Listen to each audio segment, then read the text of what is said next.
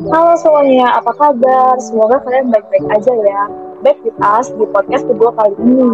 Semoga podcast ini bisa menginspirasi kalian semua. Pernah nggak sih kalian ngalamin atau bahkan merasa keterpurukan seperti tidak memiliki kuasa untuk diri sendiri dan cenderung mengikuti perintah individu lain? Nah, sesimpel kasus seorang anak yang tidak dibiarkan orang tuanya untuk bebas memilih keinginannya meskipun itu baik. Nah, Psycho Friends, tanpa berlama-lama lagi, kalian pasti pengen tahu kan hal apa saja yang bisa menjadi solusi dari rasa keterpurukan dan keterpurukan tersebut. Oke, okay, let's do this us di our podcast. Dan sebelum itu masuk ke pembahasan, jangan lupa follow kami dan nantikan pembahasan yang menarik dari setiap belajar sekali. And yeah, welcome in our podcast Wirat versi Merdeka dalam perspektif mahasiswa psikologi bersama aku Kristi dari staf Badan Fokom 22 dan rekan aku Novi dan aku Novita dari staf Badan Fokom LMPI Wilayah 2 dan juga gue Starvita boleh memperkenalkan diri Halo semuanya, aku Klemen dari Inapsi Tingkat Majaya. Halo Kak Klemen, gimana halo, halo. kabarnya hari ini? Ya, puji Tuhan baik ini. Wah, kabar baik ya. Iya, kabar baik. Syukur banget deh. Berarti kalau kabar baik itu artinya sedang tidak merasa terpuruk bahkan terkekang oleh keadaan kan? Oh enggak juga sih, setiap, eh, namanya hidup ya setiap hari kan akan tertekan dalam keadaan yang cuman ya puji Tuhan kan masih bisa dilalui ya jadi kabarnya baik. Wah mantap.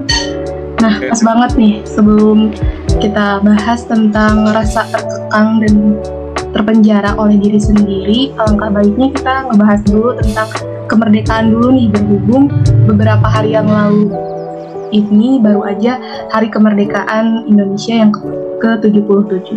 Nah, menurut Pak Clement ini, apa sih uh, arti kemerdekaan itu sendiri? Kalau aku nggak mau ini yang kayak filosofis tapi kayak simpelnya ya bebas aja gitu bebas dalam konteks apa ya tergantung sih kayak kita mau bilang kita merdeka dari apa gitu. Kayak simpelnya kayak orang-orang kalau sekarang ngomongkan financial freedom. Jadi kayak secara mereka bebas secara finansial jadi kayak udah nggak perlu pusing lagi masalah ekonomi dan finansial gitu. Simpelnya gitu sih. Dari aku intinya bebas dari hal-hal yang membebani kita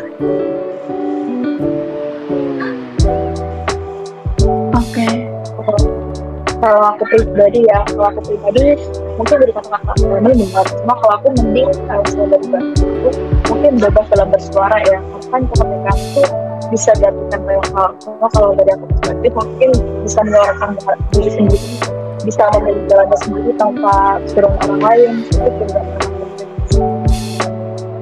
Oke, berarti kesimpulan buat arti kemerdekaan dari Kak Kezi sama Kak Lemi sendiri itu tuh tentang rasa uh, kebebasan ya, baik dalam finansial maupun hak suara dan hak lainnya. Lanjut ke pertanyaan kedua, boleh dibacain sama Fizi? Nah, kita akan lanjut ke pertanyaan dua ya. Bagaimana tanggapan Kak dan dalam menyikapi kemerdekaan saat ini? Oke, okay kalau dari aku sendiri tentang tanggapan uh, dari kemerdekaan saat ini kan karena berhubung tadi di pertanyaan pertama udah disimpulin nih kalau misalkan kemerdekaan saat ini tuh lebih ke udah bebas merasakan hak-hak yang sebelumnya itu mungkin uh, tersita gitu. Jadi mungkin untuk tanggapan kemerdekaan saat ini lebih ke kepada diri sendiri misalnya untuk merasa uh, tidak terpenjara oleh pilihan-pilihan yang ditentukan oleh orang lain bebas memilih hal-hal yang kita sukain uh, kayak milih hobi ataupun milih jurusan kuliah ataupun hal-hal lain. Kalau dari Kak Clement sendiri gimana nih? Kalau dari aku sendiri kurang lebih sama, yang cuman kayak lebih buat aku uh, kemerdekaan itu lebih kayak yang dari bebas dari opini orang lain itu sendiri kayak apa pun yang kita lakuin dan apa pun yang kita pilih itu bukan karena omongan orang lain terus kayak takut mikir aduh ntar kalau gue begini orang ngomong apa ya? Kalau misalnya gue kayak ini orang ngomong apa ya? Jadi kayak itu sih yang kayak secara konsep sebenarnya gampang ya. Kita tinggal usah mikirin orang ngomong apa. Cuman dalam pelaksanaannya tuh gak segampang itu gitu loh. Jadi kayak ada tetap aja gimana pun kita berusaha mikir gue mau lakuin apa yang gue mau. Tapi pasti ada kepikiran gitu kayak nanti kalau gini orang gimana ya? Jadi kayak mungkin itu sih yang masih bagian dari proses kali ya. Jadi kayak ya namanya kemarin kan harus diperjuangin ya. Nah, mungkin ini satu bentuk perjuangan jadi ya di jalan nanya terus itu sih. Oke, jadi saya kesimpulan dari jawabannya Rocky sama Clement, jadi emang kemerdekaannya sekarang, apalagi kasusnya lagi banyak-banyak kasus kan psikologi emang harus bebas ya orang lain dan apa yang kita tuh eh, nggak uh, selalu yang kita bikin tuh orang lain. Harusnya tuh kita bikin dan kemauan harus susah susah dilakuin. Tapi kembali lagi kita di sini mungkin tentang emang dari perjuangan itu berproses mungkin emang prosesnya susah tapi proses itu adalah perjuangan kita menuju hak kita yang bisa dilakukan secara adil karena tuh tapi oh,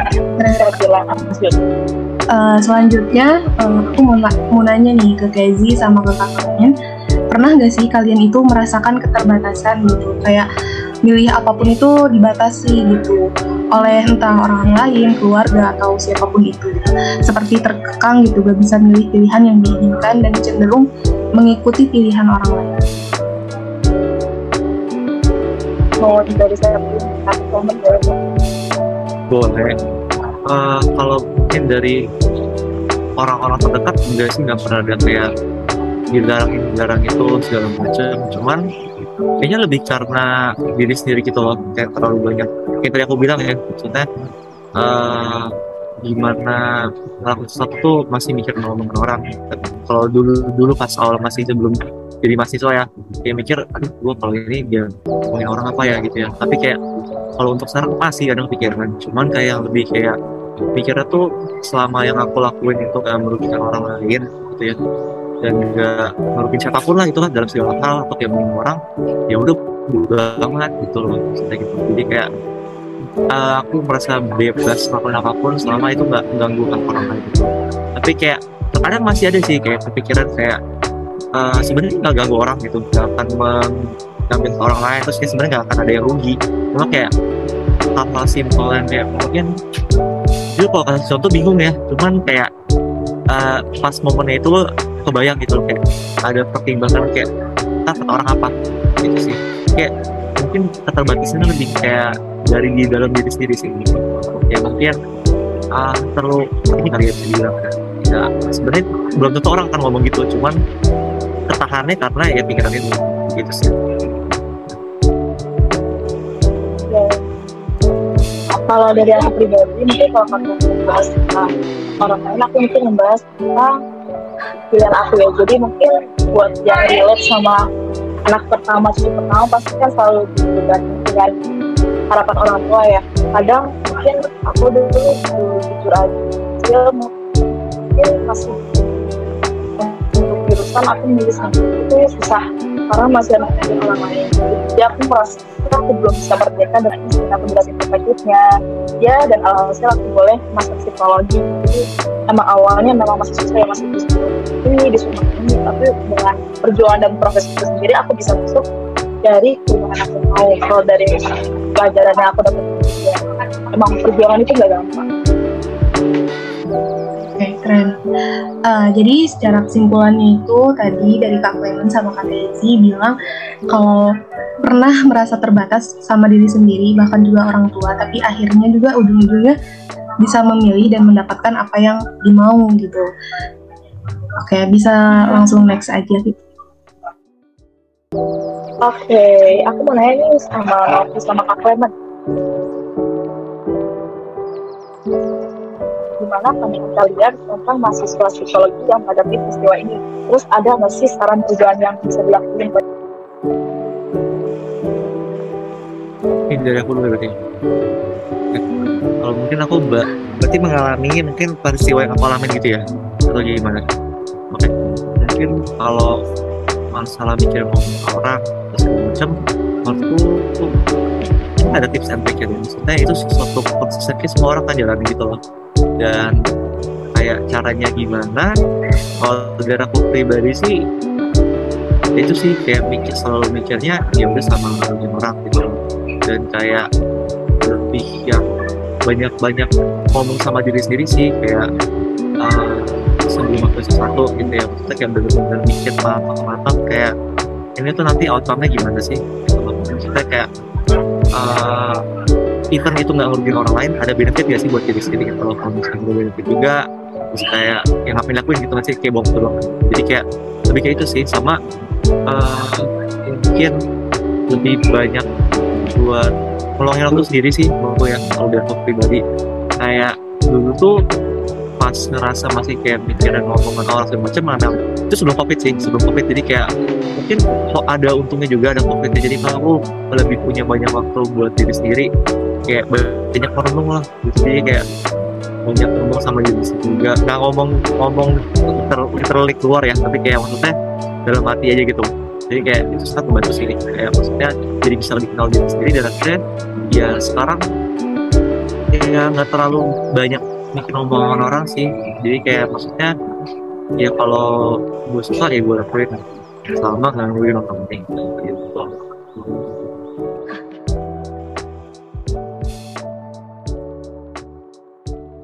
Oke, kalau dari aku kan tadi dari Kak Clement itu tentang uh, cara mengatasinya dari buat diri sendiri ya. Kalau aku kalau misalkan ngerasa terkekang atau terbatas itu karena pilihan orang tua, aku rasa buat cara menghadapinya itu bisa dengan lebih dekat gitu sama orang tua gitu, biar bercerita gitu satu sama lain biar saling memahami gitu.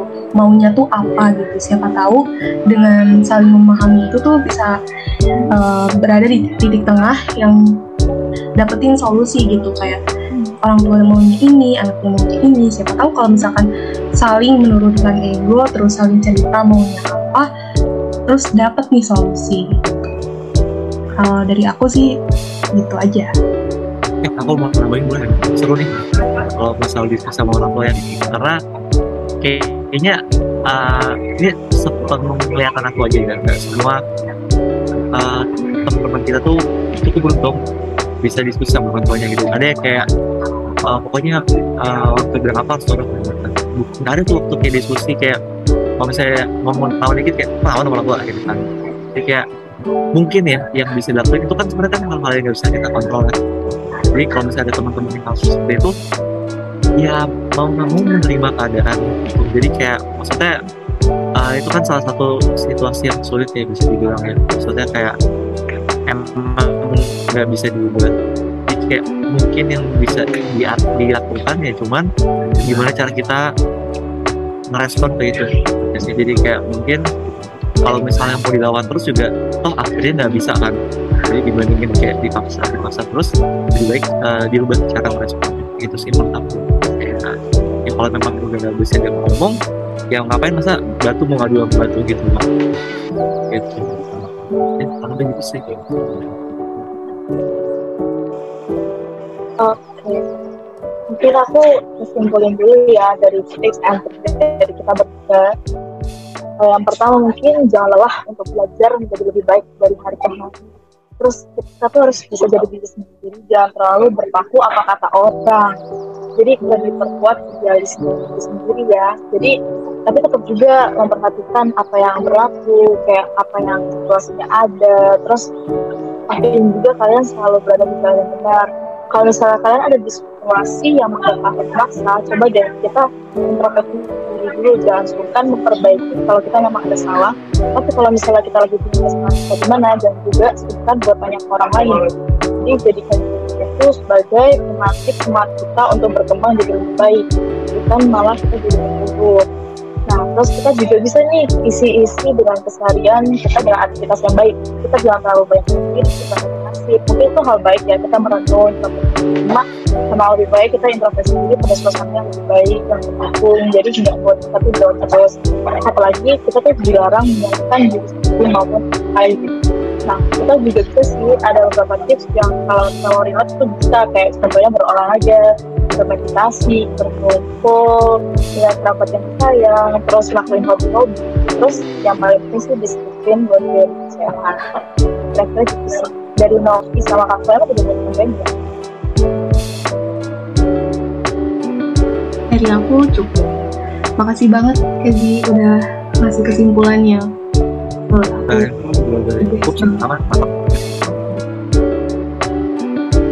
Oke, sekian dari kami, dari aku, Vivi, dan Novi, dan Kak Clement untuk dari podcast Gerak episode 2. Sekian, terima kasih. Dadah semua. Bye